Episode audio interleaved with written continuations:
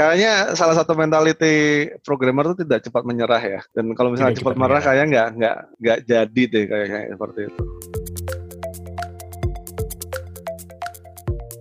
Selamat datang kembali di ceritanya Developer Podcast bersama saya Riza. Dan di podcast ini kita akan mendengarkan cerita dari developer, programmer, software engineer keren tentang masa lalu, masa kini, dan masa depan mereka. Tentang bagaimana mereka memulai karir sebagai developer. Dan kita juga akan mengorek-ngorek cerita tentang komputer pertama mereka, pengalaman ngoding pertama, pekerjaan pertama, hingga hal-hal random lainnya. Podcast ini diedit dan diproduksi oleh Deep Tech Foundation, sebuah lembaga non-profit yang mempunyai misi yaitu menyetarakan talenta digital di seluruh Indonesia. Dan sekarang saya sudah bersama Mas Aradi Nurizal, uh, jauh dari Swedia, meskipun sekarang lagi di Denmark. Uh, Mas Rizal ini adalah uh, biasanya kalau kenalan itu biasanya dia kenalin diri sebagai PNS ya, pegawai negeri Swedia. ya, pegawai negeri Swedia. Jadi uh, apa? warga negara Indonesia, terus uh, apa? studi di luar di Swedia, terus habis itu kerja di sana gitu ya. Iya betul. Hmm. Sekarang okay, uh, lagi kuliah lagi juga. Sekarang lagi kuliah lagi. Oke. Okay. Um, kita sapa aja uh, apa Mas Rizalnya tadi juga udah keluar suaranya ya. Uh, gimana Mas kabarnya Mas di Swedia? Ya, alhamdulillah baik. Di sini sedang agak unik kalau di Swedia ya, penanganan uh-huh. COVID-nya agak berbeda dengan negara-negara lain. Ah, gimana tuh? Boleh ceritakan sedikit? Ya, di Swedia mm, tidak ada ini ya, tidak ada lockdown dari awal. Jadi orang-orangnya bisa aja jalan-jalan gitu, nggak ada masalah. Cuman ada rekomendasi dari pemerintah untuk social distancing, terus kemudian untuk menghindari uh, berkerumun. Jadi sebenarnya walaupun tidak ada official uh, mandatory regulation dari pemerintah untuk tidak boleh berkumpul, tapi mereka secara sadar untuk tidak berkumpul. Jadi untuk contohnya kayak perusahaan itu meliburkan pegawainya atau hmm. me, menyarankan pegawainya untuk bekerja dari rumah. Jadi kayak, kayak contoh kantorku yang di kantor paling cuma satu atau dua orang, sisanya dari rumah semua. Oke, wah menarik juga ya. Jadi seperti Indonesia new normal, tapi dari awal dia sudah seperti itu ya gitu ya. Iya, tapi di tidak ada ini sih tidak ada polisi yang patroli, tidak ada mandatori kayak oh, harus pakai masker, harus seperti ini seperti itu mengalir aja seperti biasa gitu cuma pemerintah menyarankan hmm. Ini baik buat semuanya jadi jangan berkumpul. Tapi juga pada dasarnya orang Swedia kan juga kulturnya tidak suka berkumpul-kumpul banyak orang kan. Jadi buat mereka sepertinya ya sama aja seperti hari biasa. Oh gitu ya. Jadi uh, uh, apa desek-desekan tuh nggak ada ya di Swedia ya? Ya ada. Kalau di apa namanya kalau di public transport ada. Cuman orang Swedia lebih suka untuk tidak uh, desek-desekan sih Hmm, nah, social distancingnya udah jalan ya, dari awal. Betul, nah, betul betul. kalau kalau misalnya lihat di internet tuh ada meme apa ada meme itu uh, apa namanya queue like a switch. Jadi okay.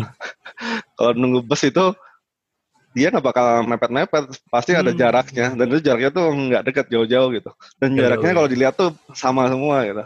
Hmm. Jadi oh, istilahnya okay. kalau di Swedia itu kalau misalnya naik bus itu lihat dulu kalau busnya kosong ambil yang paling belakang terus kalau misalnya ada satu orang cari jarak yang paling jauh dari orang yang sudah di dalam terus kalau oh. orang ketiga uh, cari jarak antara dua orang tersebut uh, mana yang kira-kira uh, sama dan dia duduk di tengahnya misalnya gitu cuman itu hmm. kayak kulturnya mereka udah otomatis gitu dan udah otomatis ya dan mereka juga kayak kalau kan biasanya apa namanya bus kan ada dua kursi dua kursi atau kereta ada dua kursi dua kursi gitu ya. Dia bakal memenuh uh, memenuhi semua tempat duduknya sampai itu penuh. Uh, jadi kalau ada dua tempat duduk dia akan duduk satu di duduk satu tempat. Dan sebelahnya tuh bakal kosong sampai semua tempat duduknya tuh terisi satu orang. Hmm. Luar biasa ceritanya seru sekali. Oke, sekarang kita uh, cerita-cerita tentang yang berhubungan dengan uh, software engineering atau development ya. Nah, Mas Rizal ini ingat nggak sih kapan pertama kali apa uh, bersentuhan langsung dengan komputer? Uh, ingat ketika itu umur berapa ya? Aku agak lupa, mungkin SMP kali ya. Uh, ketika itu uh, ayah saya pulang membawa laptop dan sepertinya saat itu pertama kali saya bersentuhan dengan komputer. Hmm, uh. itu uh, habis itu di, dicobain gitu ya, laptopnya di, dipakai gitu ya? Iya, dicobain Terus, dipakai untuk main hmm. game sih awal-awalnya sih. Oh, awal-awal main game. Ya. Yeah. Terus uh, setelah apa? Setelah nyobain laptop itu, uh, sampai ketemu programming itu gimana ceritanya? Oke, jadi dulu itu kan pada dasarnya aku pribadi itu suka membuat sesuatu. Jadi apalah nah, jadi kayak misalnya dulu saya pernah bikin meja sendiri untuk belajar terus ya istilahnya desain sendiri terus kemudian dibikin sendiri. Terus saya juga sempat ngecat tembok kamar saya sendiri gitu. Dan alhamdulillah sih dibolah dibolehin sama orang tua ya. Nah uh, lalu sejak bertemu dengan komputer itu awalnya karena saya suka menggambar saya mencoba untuk menggambar menggunakan komputer. Jadi awal-awalnya tuh sempat mulai dari mulai dari Corel Draw dari Photoshop gitu kan Nah, terus uh, ketika bertemu dengan Flash, mulai tuh belajar action script gitu kan waktu zaman dulu tuh. Uh, lalu setelah itu tertarik tuh dengan oh ternyata saya bisa membuat hal ini uh, dengan cepat dan pada dasarnya kan saya orangnya agak gimana ya. Kalau bisa diotomatisasi ngapain harus manual gitu. Jadi dengan adanya komputer dan bahasa pemrograman seperti action script yang di zaman Flash tersebut, jadi tidak perlu manual mengulangi hal-hal yang sama berulang-ulang kali gitu. Jadi uh, dari situ tertarik mengenai oh ternyata ada cara seperti ini. Lalu ke waktu itu kebetulan ada buku tuh baru muncul jadi Java Programming Language. Nah itu beli waktu itu. Oke. Okay. Zaman awal-awal. Hmm. Tahun berapa itu? Tahun berapa ya? Dua. Wait. SMP oh, tadi ya berarti ya? SMP itu tahun 90-an ya. Tahun 90-an. Nah, 90 berapa itu? Wait, 99 kalau nggak salah. Ya 99. Okay. Ya 99 tuh uh, belajar hmm. Java. Belajar Java. Berarti uh, uh, tadi kalau boleh disimpulkan bahasa pertamanya sebenarnya Action Script ya. Setelah itu baru Java. ya, uh, bahasa hmm. pertamanya Action Script, terus kemudian hmm. uh, belajar Java, Cuman Java kan desktop zaman dulu belum ada, belum pasang iya. internet lah zaman dulu belum ada. Iya. Internet kalau nggak salah baru masuk Semarang tahun 95. 95, oke. Okay. Iya, uh, tapi uh, karena masih baru banget, uh, mahal ya, mahal dan kayak kita masih belum tahu manfaatnya apa, jadi kayak iya. uh, main-main dulu lah, bikin program-program lucu-lucu lah di uh, di komputer pribadi. Dulu sempat beli desktop juga. Dulu hmm. sempat tuh ingat tuh beli desktop dengan hard disk paling besar 10 megabyte. 10 megabyte. Sekarang nggak ada apa-apa ya 10 mega ya. Oh, sorry 10 giga waktu itu. Sorry 10 giga. 10 giga? Uh, Zaman dulu 10 giga mah gede banget, Mas. Iya, iya. Zaman dulu 10 giga gede banget tuh yang paling besar yang aku bisa beli dulu kan. Hmm. Uh, terus tapi prosesor masih Pentium sih, Pentium 2 kalau nggak salah dulu. Hmm. Ya, Pentium ya, 2 ya, masih ya. berapa ya? 400 MHz kalau nggak salah. ya, jadi mungkin buat apa uh, pendengar-pendengar yang uh, apa yang yang sekarang gitu ya, mungkin mereka nggak nggak mengalami atau nggak tahu action script itu apa. Jadi mungkin jelaskan sedikit ya. Action script itu sebenarnya cikal bakalnya JavaScript ya, mirip-mirip lah sama JavaScript ya. Cuman dia tertanam di dalam Flash ya untuk yeah. memprogram animasi kira-kira kayak gitu. Oke, okay, um, yeah. nah setelah uh, SMP terus belajar Java, eh, belajar action script, belajar Java, Terus um, boleh diceritakan sampai kuliah gimana mas? Oke, okay, terus waktu itu uh, waktu itu uh, sempat um, apa ya uh, SMA itu aku sempat ikut pertukaran pelajar kayak exchange student ke Argentina gitu. Di sana ketika di Argentina uh, kan suka jalan-jalan dan suka motret-motret. Nah waktu itu pengen kayak oh, uh, supaya orang-orang di rumah di Indonesia bisa lihat foto-foto, aku mau masukin ke uh, internet gitu. Dan gimana caranya? Nah, itu belum tahu. Tapi kebetulan waktu itu sering apa ya? Sering gonta-ganti wallpaper dan di kebetulan waktu itu menemukan salah satu website yang isinya itu berbagai macam-macam wallpaper yang free. Nah, di situ saya berpikir, oh ini bagus nih kalau bisa bikin galeri seperti ini gitu kan. Tapi saya nggak tahu caranya. Nah, ketika itu mulai tuh uh, reverse engineer itu website. Jadi saya download, saya ganti, kayak coba ganti. Kalau saya ganti hasilnya seperti apa ya sama lah kayak mencoba untuk debugging uh, website ya. Tapi zaman dulu kan yang saya download uh, eh, HTML dan CSS aja udah. Jadi cuma dua itu dan uh, dan cuma dua itu aja yang bisa dirubah-rubah belum ada bahasa yang server side seperti PHP gitu belum ada dulu. Mulai reverse engineer uh, website uh, dan berhasil membuat uh, galeri itu. Nah pada saat itu saya reverse engineer dan nggak tidur selama hampir dua hari. Uh, dan dari situ saya tahu bahwa kayaknya nanti kalau besar bakal pengen bekerja dengan komputer deh. Jadi kayak aku pengen bikin website gitu kan. Karena hmm. apa? Karena bikin website itu setelah selesai banyak orang yang bisa uh, menggunakan. Jadi berpikirnya seperti itu. Itu SMA kelas 2 tahun 2001. Karena dari situ sudah tahu bahwa mau berkecimpung di bidang yang berhubungan dengan komputer, pengennya duduk depan komputer tapi itu ternyata soalnya kalau di depan komputer lupa waktu gitu. Jadi seru dan aku nggak nganggap itu kerja gitu kan kalau misalnya di depan komputer. Nah, ketika 2001 uh, 2002 balik ke Indonesia terus mulai mencari itu informasi mengenai uh, di mana nih aku bisa belajar mengenai website gitu. Tadi sebenarnya tuh agak agak agak ini ya, agak salah jurusan. Soalnya yang aku pengen dulu belajar mengenai bagaimana pemilihan warna yang baik, bagaimana pemilihan warna yang tidak uh, bikin mata capek, dan komposisi warna, komposisi bentuk gitu untuk website.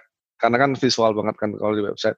Harusnya tuh dulunya masuknya DKV, cuman karena aku mikirnya oh ini komputer jadi aku ambilnya jurusan informatika atau computer science gitu. Nah, baru S1 di sana mulai belajar macam-macam dan uh, kebanyakan malah ketika uh, kuliah uh, pakainya pemrograman C sama ini apa namanya PHP. Waktu kuliah kenal dengan PHP dan waktu kuliah kenal dengan C dan akhirnya mengerjakan tesis menggunakan uh, C untuk pembuatan program itu. Hmm. Kuliah di mana waktu itu, Mas? Aku waktu itu kuliah jadi uh, di Swiss German University di Jakarta. Hmm. Jadi ya. BSD lebih tepatnya. Uh, Tangerang ya? Ya, itu uh, double degree gitulah. Uh, jadi ya. ada computer science-nya di Indonesia, terus kemudian ada uh, elektroenergi teknik di uh, Jerman. Jadi sempat ke Jerman untuk ujian elektroenergi teknik, juga sempat magang di Siemens juga untuk istilahnya apa ya karena dia double degree dari sisi elektro dan sisi computer science-nya uh, dari sisi elektronya bikin transformer sendiri, bikin PCB sendiri gitu, bikin circuit sendiri dan dari sisi informatikanya bikin pemrograman sendiri dari dari C, dari scratch gitu kan sempat belajar assembly juga uh, waktu dulu, cuman nggak dipakai. Uh, saya kebanyakan sih uh, dulu ketika kuliah pakainya C di sekolah, di kuliahan, dan PHP di luaran buat bikin-bikin website lucu-lucu lah. Gitu. Tapi lumayan hardcore juga ya uh, apa uh, kuliahnya ya. Padahal sebenarnya merasa salah jurusan nggak sih? Kan tadinya pengen desain ya, lebih ke DKV hmm. kan. Terus hmm. tiba-tiba hmm. dicekokin sama bahasa pemrograman macam-macam, sila, assembly bahkan gitu hmm. ada ada perasaan um, kayak ini kayak dia salah jurusan nih salah pilih gitu atau gimana awal-awalnya iya sih kayak kayak berpikir kapan nih dapat informasi mengenai yang tadi aku mau kayak warna komposisi warna dan lain sebagainya gitu cuman uh, serunya adalah karena saya pada dasarnya suka bikin sesuatu ketika bisa membuat sesuatu di komputer itu happy gitu jadi ya hmm. sudah gitu. Uh, kayak dulu itu waktu awal-awal tahun 2000 berapa ya? 2000 wait, 2004 itu 2003 atau 2004 uh, kayaknya sepertinya 2003 deh. Waktu masih baru berkenal dengan PSP dengan SQL baru bisa tuh SQL program uh, eh, SQL language. Uh, itu jadi bikin ini jadi bikin online ordering store gitu. Jadi waktu itu sih pura eh, pura-pura bikin uh, apa sih uh, website untuk pemesanan uh, restoran cepat saji. Jadi kita bisa masuk ke websitenya, kita bisa pilih makanannya, terus bisa klik order. Gitu tahun 2003 itu bikin 2003. Oh, wow. ya. Jadi sebenarnya uh, jiwa makernya yang yang ini ya yang muncul dan yang menyelamatkan gitu ya dalam artian yeah, yeah, uh, dari yeah. kecil kan udah dipupuk untuk membuat sesuatu berkreasi gitu-gitu ya yeah, masalah dan, medianya apa gitu ya betul betul dan uh, dulu kan suka jadi uh, dan komputer kan lumayan instan kan uh, rewardnya gitu. Jadi kayak ketika hmm. apa langsung kelihatan hasilnya, ketika apa langsung kelihatan hasilnya. Jadi kayak feedback loop itu jadi bikin semangat gitu. Kalau hal lain kayak misalnya uh, aku bikin meja gitu kan effortnya butuh ya berapa jam sebelum kelihatan bentuknya gitu. Atau misalnya menggambar pun juga mesti dilihat dulu kan, uh, mesti planning dulu mau gambar apa gitu. Okay. Sama lah seperti kayak hal-hal uh, lain yang tapi intinya sih uh, aku suka bikin sesuatu jadi uh, programming language itu buat uh, saya sebagai tools aja untuk menghasilkan sesuatu yang berguna gitu. Hmm. Maka dari itu ketika kuliah walaupun dicekokin macam-macam yang awalnya beda tapi aku melihat itu sebagai uh, I need these tools gitu kan. Ketika yeah. kita sudah expert di toolsnya, baru kita bisa mikir sesuatu yang kreatif. Aku mikirnya gitu. gitu. Soalnya hmm. ketika kita sudah expert di toolsnya, tools tidak menghalangi kita untuk membuat sesuatu yang kreatif. Uh, jadi aku pelajarin aja gitu. Walaupun oh. kalau dibilang apakah aku hardcore programmer, enggak juga karena aku berpikir oke okay, kalau misalnya uh, programnya sudah jadi sesuai dengan kaidah-kaidah software engineering, dan menghasilkan sesuatu yang sesuai spesifikasi sudah cukup buat aku gitu.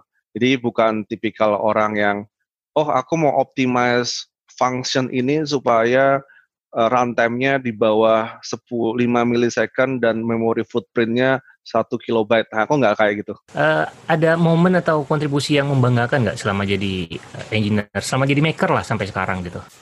Uh, kalau dalam bentuk program itu ada beberapa hal yang menurutku menarik yaitu ketika kuliah aku tesis mengenai aeronautical telecommunication network uh, itu bagaimana cara pesawat bisa berkomunikasi dengan bandara atau dengan pesawat lain. Menurutku tuh sangat menarik buat aku karena itu pertama kali aku kerja di tim dan proyeknya untuk pemerintah waktu itu uh, supervisor dari BPPT. Aku aku nggak tahu apakah programku masih dipakai atau enggak.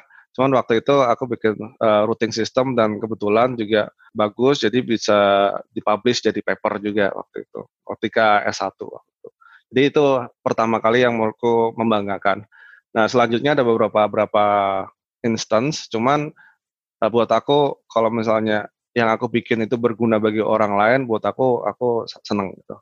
Jadi kontribusi kayak simple lah kayak misalnya uh, aku bikin login system untuk salah satu serikat buruh di Swedia yang banyak yang pakai. Dan kemudian selama berapa tahun sistem itu nggak pernah down dan dipakai berapa puluh ribu orang tiap hari. Gitu buat aku tuh aku senang untuk kayak gitu.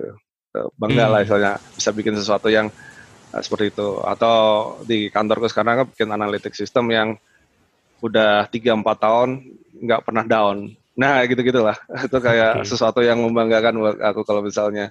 Karena hal itu memberikan benefit perusahaan atau ke organisasi. Nah, sebaliknya kalau yang memalukan ada nggak, Mas? Aku nggak bisa sebut spesifik, eh, membuat sesuatu, tetapi yang aku asumsikan itu berbeda dengan yang dimaksud. Jadi belajar dari situ aku selalu clarify ini benar nggak sih yang dimaksud supaya tidak salah paham.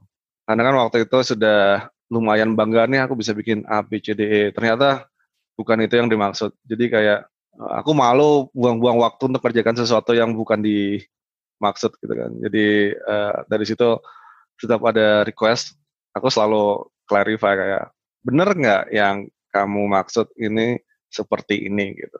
Just to make sure bahwa aku mengerti apa yang kamu maksud gitu dari situ pembelajarannya adalah komunikasi penting ya. Jadi nggak kayak ter asal terima tugas aja gitu ya. Asumsi itu asumsi. tidak bagus.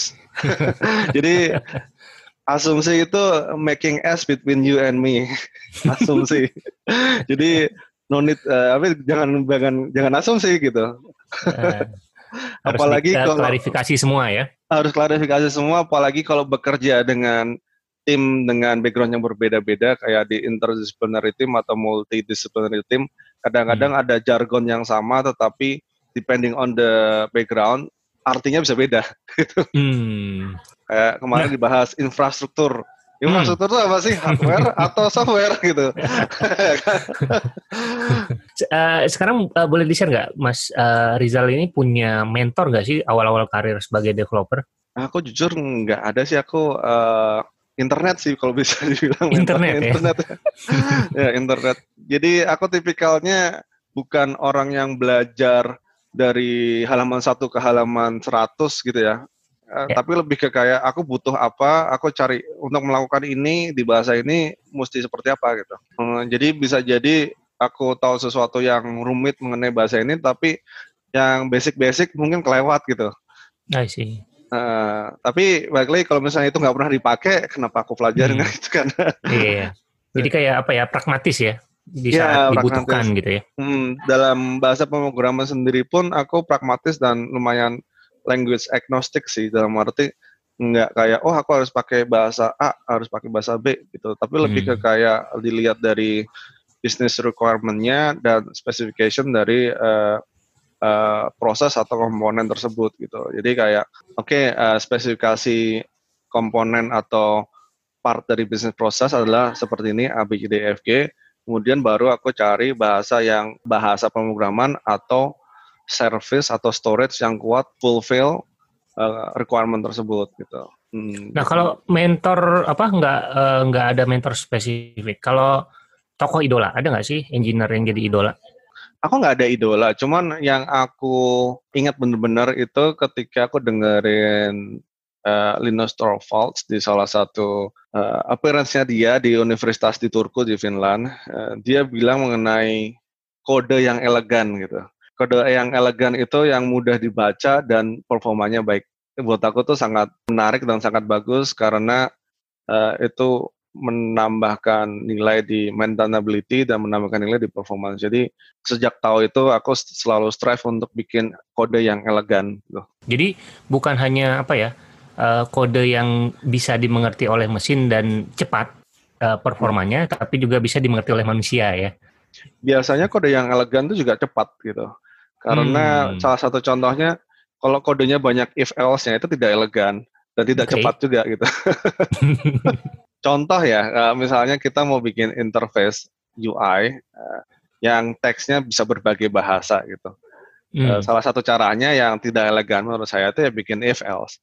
If bahasa yang dipakai adalah bahasa Inggris, maka print ini. Kemudian if kalau bahasa yang dipakai adalah bahasa Indonesia, print ini gitu kan. Tapi kalau misalnya kita mau uh, support kayak 100 bahasa, masa if if-nya ada 100 kan jelek juga kan. Iya. Maka mesti bikin sesuatu yang uh, kita bikin satu fungsi yang mana ngambil argumen uh, bahasa tetapi kemudian outputnya sesuai dengan bahasa tersebut yang dari file misalnya gitu contohnya hmm. jadi satu fungsi cuman yang tadinya kalau pakai IFL bisa berapa beratus bisa berapa ratus line bisa jadi cuma kayak 5 atau 10 line gitu. Itu kan elegan okay. kan mudah dibaca, yeah. performance juga. Mm-hmm. Ya gitulah sebenarnya. Contoh jadi, contoh simpelnya gitu. Iya, dua-duanya dapat gitu ya. Iya. Yeah. Nah, uh, sekarang uh, Mas Rizal di Swedia itu uh, pekerjaannya apa sih, Mas? Nah, jadi aku ini agak berada di berbagai role ya. Kadang-kadang jadi solution architect, kadang-kadang jadi sistem architect, kadang-kadang ngerjain DevOps, kadang-kadang juga coding, kadang-kadang research juga gitu. Jadi uh, timnya kan kecil. Waktu dulu itu di hire sama universitas untuk bantuin mereka bikin departemen baru gitu. Jadi kebetulan aku sempat kerja di perusahaan kayak konsultansi di uh, Stockholm di Swedia. Terus kemudian uh, salah satu kliennya adalah Lund University. Nah, Lund University sepertinya berasa kayak, oh nih kalau nge-hire orang-orang ini kayak kemahalan gitu kan. Mending aku bikin departemen sendiri di uh, di Lund University. Dan memang salah satu tujuan departemen itu adalah bagaimana kita bisa mengambil alih proyek-proyek yang kita berikan ke vendor untuk dipak untuk diambil di in-house gitu. Jadi itulah uh, karena kebetulan aku tahu Eh, dan aku sempat bekerja di perusahaan tersebut, jadi aku di hire untuk istilahnya apa ya, supaya kita bisa seamless untuk transfer project, uh, Lund perlu punya infrastruktur dan sistem yang sama dengan yang tempat aku dulu kerja. Jadi aku di hire untuk membuat itu gitu. Jadi ya macam-macam dari dari hardware level, milih server spek, uh, kemudian dari networking juga sam kayak mesti nentuin port mana yang dibuka untuk server mana, sampai bikin training untuk uh, developer baru uh, kemudian aku ajarin gimana cara pakainya gimana cara membuatnya gitu aja sih. Ketika itu juga uh, kalau misalnya nggak ada orang lain yang bisa bikin ya aku yang coding sendiri gitu. Tapi mostly sih uh, kebanyakan berusaha mengerti ini what the client needs kliennya butuh apa, terus gimana itu bisa ditransfer menjadi uh, eh, IT produk gitu. Karena kebetulan waktu itu kan uh, S2 aku di Stockholm itu uh, bidangnya uh, Engineering and Management Information System. Jadi seputar ya IT management, global IT management, decision and risk analysis, process IT production, IT and organization, terus uh, business process and intelligence. Jadi informa uh, knowledge-knowledge yang itu yang sering dipakai di kantor. Tapi juga kadang-kadang kalau misalnya aku buat solusi, uh, ini kan kadang-kadang kalau aku bukan bikin solusi, terus aku harus implementasi menjadi sistem arsitektur, aku ya bikin sendiri arsitekturnya. Terus kemudian aku lihat ada yang bisa bikin nggak komponen-komponen ini, misalnya bikin microservice ya. Uh, kan aku bagi-bagi ini service ini dibikin pakai uh, misalnya Java, ini bikin pakai bahasa program misalnya Golang gitu kan. Oh Java ada orang yang bisa ngerjain nih, jadi masuk ke tim Java komponen ini. Tapi misalnya Golang nggak ada yang bisa nih Golang ya sudah berarti aku yang ngerjain komponen Golang itu jadi coding Golang gitu. Uh, desain CI/CD juga ya bikin script CI/CD dan melakukan deployment juga gitu. Nah ini agak uh, lumayan menarik nih karena biasanya kalau di kampus di Indonesia gitu ya ada apa butuh-butuh software itu biasanya yang bikin itu anak skripsi mas. Kalau di oh, sana outsource ya berarti. Ya di sini uh, ya di Swedia itu biasanya outsource. Cuman outsource itu ya drawbacknya adalah uh, tidak agile dan tidak cepat. Dalam arti contoh hmm. waktu itu kita sempat punya vendor yang mengurusi infrastruktur atau server-server kita yang manage mereka. Jadi ketika kita mau merubah sesuatu, kita misalnya kita butuh, uh, oh port ini perlu dibuka nih, atau misalnya kita mau nambah memori, kita perlu menambah PHP memori misalnya gitu atau yang lain sebagainya lah. Uh, kita kirim email bisa seminggu atau dua minggu kemudian dilakukan gitu. Nah sekarang karena kita sudah own server kita sendiri dan kita pakai Ansible, uh, uh, jadi kalau kita mau ganti, mau nambah memori misalnya gitu, kita ganti satu line kemudian kita deploy dan run Ansible-nya aja, jadi lima menit gitu. Jadi uh, kita so far sudah mengganti sekitar 3-4 vendor lah dan semua empat perusahaan itu dijadikan satu tim yang isinya 5-6 orang. Uh, tadi kan Mas Rizal ini kan S1-nya di Indonesia, walaupun ada sempat ke Jerman juga kan. Ya. Uh, kira-kira bisa di-share nggak sih apa apa sih yang membedakan antara pendidikan di Indonesia sama pendidikan di Eropa gitu secara umum? Aku sebenarnya kurang tahu pendidikan di Indonesia seperti apa karena SGU sendiri pakai kurikulum Eropa. Jadinya uh, mungkin nggak terlalu bisa memberikan perbedaannya ya. Kalau yang aku dengar-dengar, yang aku dengar-dengar nih, kalau pendidikan di Eropa itu lebih ke bottom ups dari student ke ke kelas. Kalau di Indonesia, kalau nggak salah itu lebih dari guru ke murid ya. Kalau misalnya di S2 aku itu kayak ke kelas tuh nggak penting gitu, jadi nggak ada nggak ada ininya, nggak ada absennya. Absennya gitu, gitu ya? Nggak ada. Hmm. Jadi kelas itu cuma buat sharing knowledge kalau kata guruku. Jadi kalian okay. belajar sendiri di rumah, sampai kelas tuh buat sharing knowledge gitu. Dan guru bukan yang paling tahu gitu kan. E, dosenku bilang guru tuh bukan yang paling tahu, bisa jadi kamu lebih tahu dari dari saya, maka kamu uh, share di kelas. Soalnya kalau misalnya kita belajar dari guru dan kita hanya ngikutin guru, skill kita nggak mungkin lebih bagus dari guru tersebut gitu. Jadi kita pengen untuk belajar yang hal yang lain sehingga kita bisa sharing-sharing gitu. Kalau aku dulu kuliah sih sebenarnya jarang masuk kelas, eh, lebih suka belajar sendiri, kemudian ke kelas atau ketemu dosen untuk konfirmasi pengertianku benar atau enggak gitu. Dan mereka bukan menyuruh, lebih ke suggest. Nih, this is hmm, good oh. suggestion to you for for you to learn gitu. Iya, kalau kamu belajar silakan enggak ya enggak gitu. Uh, jadi lebih kayak mentoring ya bentuknya. Ya, ya lebih tepat lebih tepatnya seperti kayak mentoring daripada uh, pengajar in the sense of Indonesian pengajar yang guru masuk kelas kemudian kayak di uh, memaparkan slides. bla bla bla. Dan hmm. ini kayak misalnya bagian ini bagian ini bagian ini masuk ujian yang ini enggak gitu kan. Kalau hmm, saya ingat iya, gitu ya. Kisi-kisi. Uh, tapi di sana ya uh, you never know apakah yang diujikan itu bakal kepake di ketika kamu lulus dan kamu juga nggak tahu apakah yang kamu uh, nggak pelajarin bisa jadi malah kepake gitu. Jadi kayak nggak ada kisi-kisi gitu. Yang ada tuh hmm. cuman kayak modelnya kayak study case sih. Gue lebih ke kayak study case sih kayak holistik gitu lah modelnya bukan kayak pertanyaan yes or no atau multiple choice. Open open question ya? Open question, open book, terus hmm. biasanya empat pertanyaan tapi waktu pengerjaannya empat jam. Wis. Jadi kayak bikin arsitektur apa model-model gitu ya pertanyaannya. Iya, iya kayak tidak misal, jawaban yang exactly benar gitu ya. Tergantung kalau misalnya contoh kayak pelajaran decision eh, risk and analysis ada sedikit yang ada dua atau tiga jawaban dan kita harus argue kenapa kita memilih jawaban yang itu. Tapi kita harus hmm. melihatkan perhitungan kita kan. Kayak itu kan decision yeah. analysis ada statistiknya gitu kan. Hasilnya itu juga kayak apakah untuk kasus yang ini kita lebih mementingkan precision atau kita lebih mementingkan recall gitu. Alasannya kenapa gitu kan. Tapi kita harus melihatkan kayak hasil precisionnya itu berapa?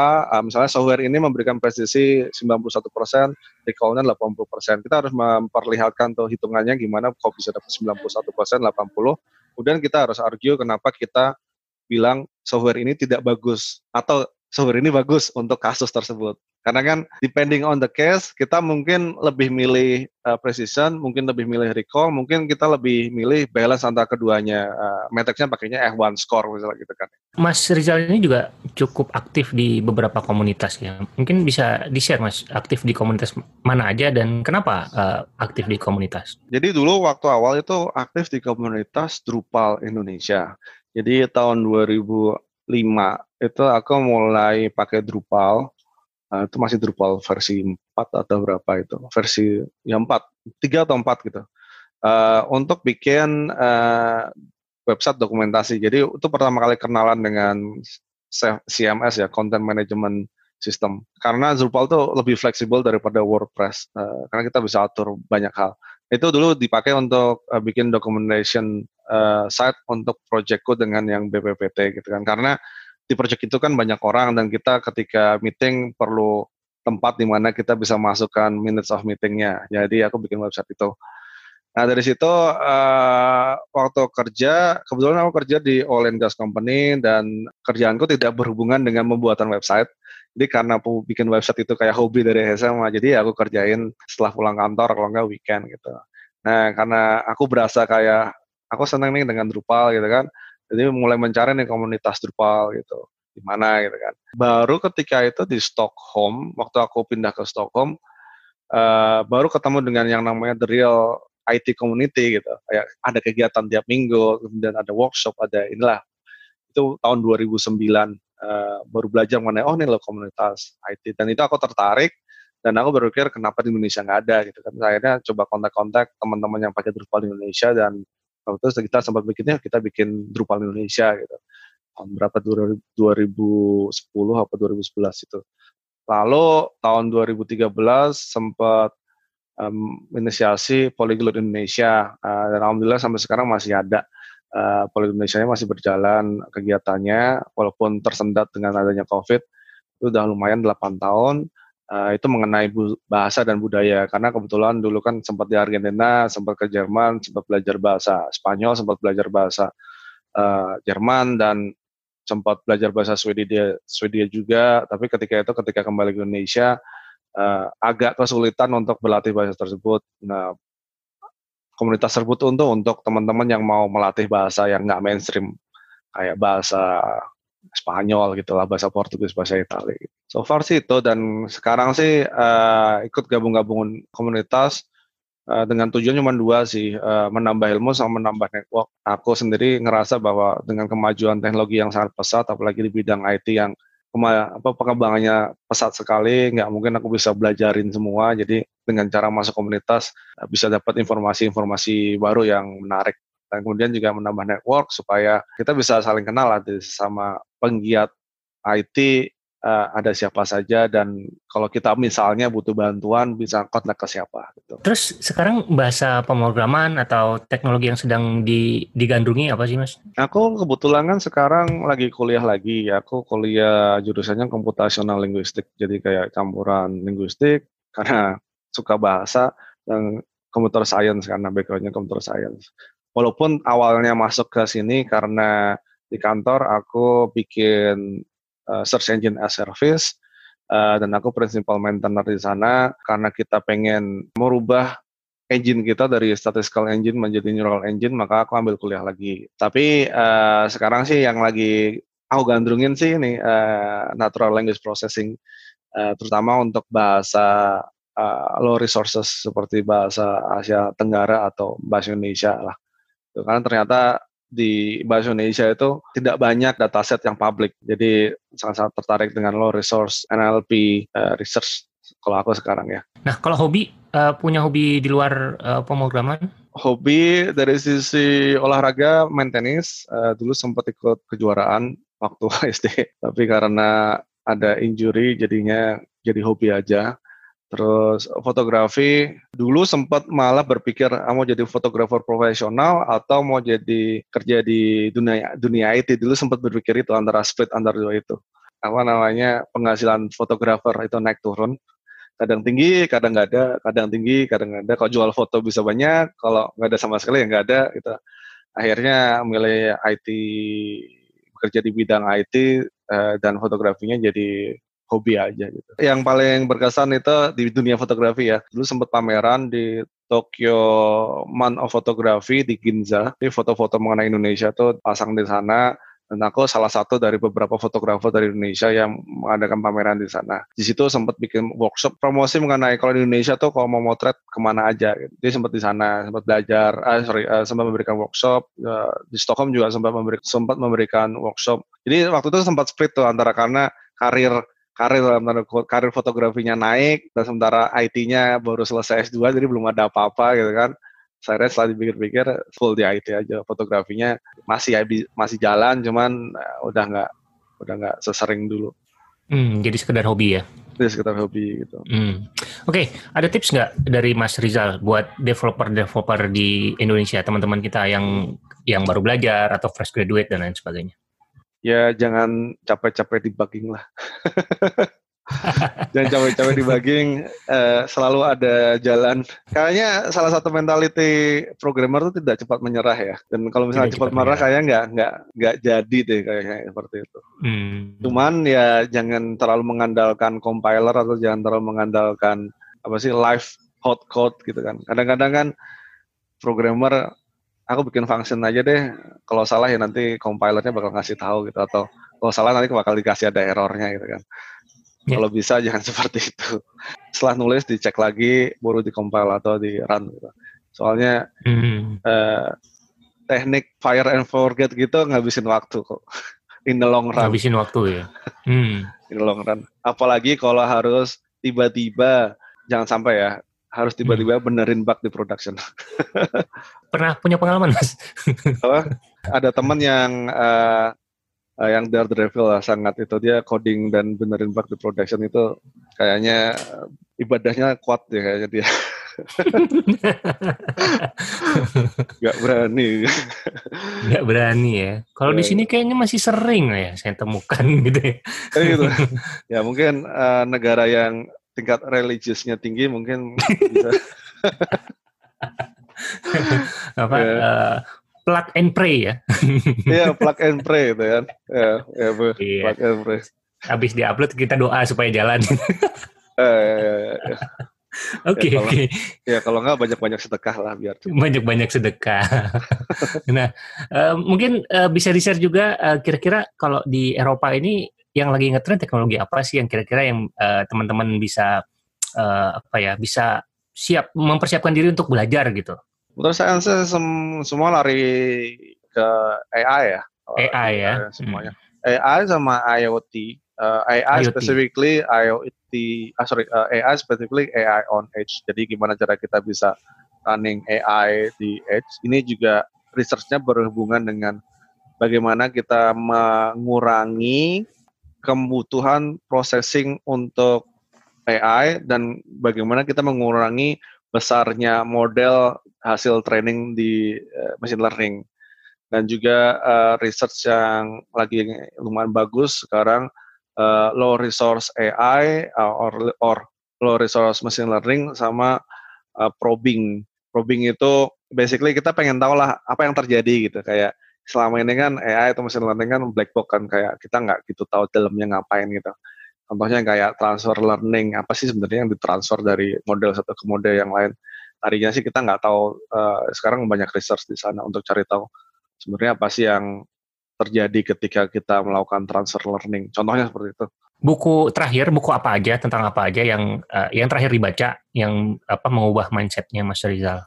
Uh, ini bukunya Next Polstorm uh, Super Intelligence Ya, buku itu bercerita tentang apa, Mas? Tentang AI sih. Jadi bukunya itu bercerita tentang ini apa namanya, uh, bagaimana jika kita ada super intelligence atau ketika uh, mesin sudah melewati kemampuan dari manusia, apa yang terjadi gitu. Oke, okay, uh, jadi kayak dibahas dampak-dampaknya gitu ya?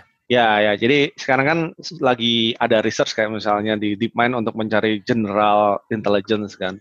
Nah, yeah. kalau itu terjadi, misalnya mereka berhasil, apa yang terjadi mm-hmm. dengan manusia, apa terjadi dengan society. Menarik oh, karena mempersiapkan kita untuk membuat atau membuat langkah yang accordance dengan uh, kemungkinan uh, masa depan tersebut. Mempersiapkan apa uh, skenario terburuk juga ya kali ya. Ya ya. Hmm. Ya itu bukunya menarik sih. Walaupun menarik, masih dianggapnya sebagai futuro, futuro futurologi lah istilahnya kayak belum tentu terjadi hmm. juga dan mungkin kalau terjadi bukan saat di mana kita masih hidup bisa jadi juga ya. tapi menarik iya. juga gitu. menarik menarik ya, ya. Uh, itu buku yang terakhir yang tahun buku lama sih 2015 oh oke okay. 2015 dia udah udah memprediksi bakal jadi seperti itu ya hmm, kalau kita baca sekarang pun ada beberapa yang prediksinya Salah. sudah terjadi sudah terjadi atau ada, ada beberapa ada beberapa yang mulai ada yang kalau aku nyebutnya nggak meleset tapi belum terjadi karena belum kalau misalnya mele, kalau kereta meleset kan anggapannya dia ke utara, ini ternyata ke selatan hmm. kan. Ini lebih yeah, ke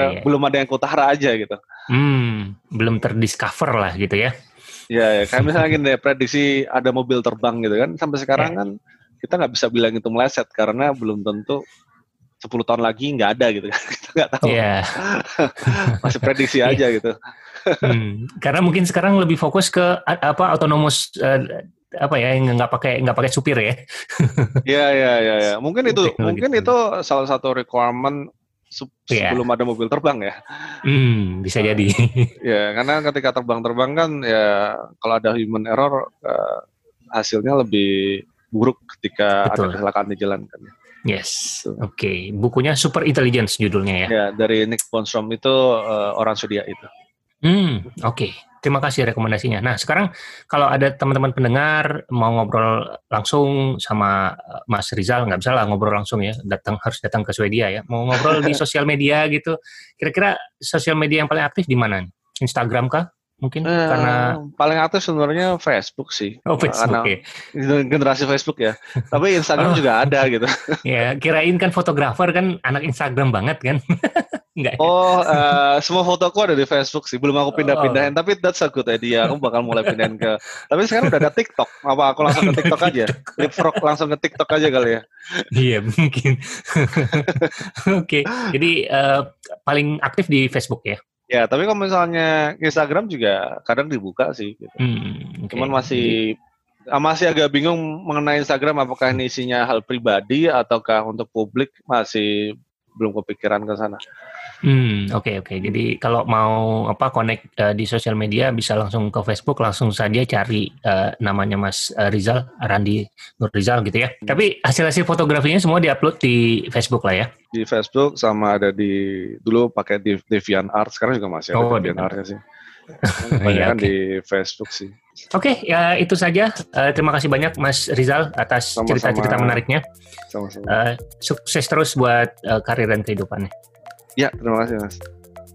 Itu dia episode ceritanya Developer Podcast kali ini. Nantikan episode-episode ceritanya Developer Podcast selanjutnya. Kritik, saran, atau sekedar hai, silakan email ke rizafahmi@gmail.com atau mention rizafahmi22 di Twitter. Sertakan juga hashtag ceritanya developer. Dan buat teman-teman yang mau support podcast ini agar terus ada, bisa dengan cara subscribe ke iTunes atau Spotify.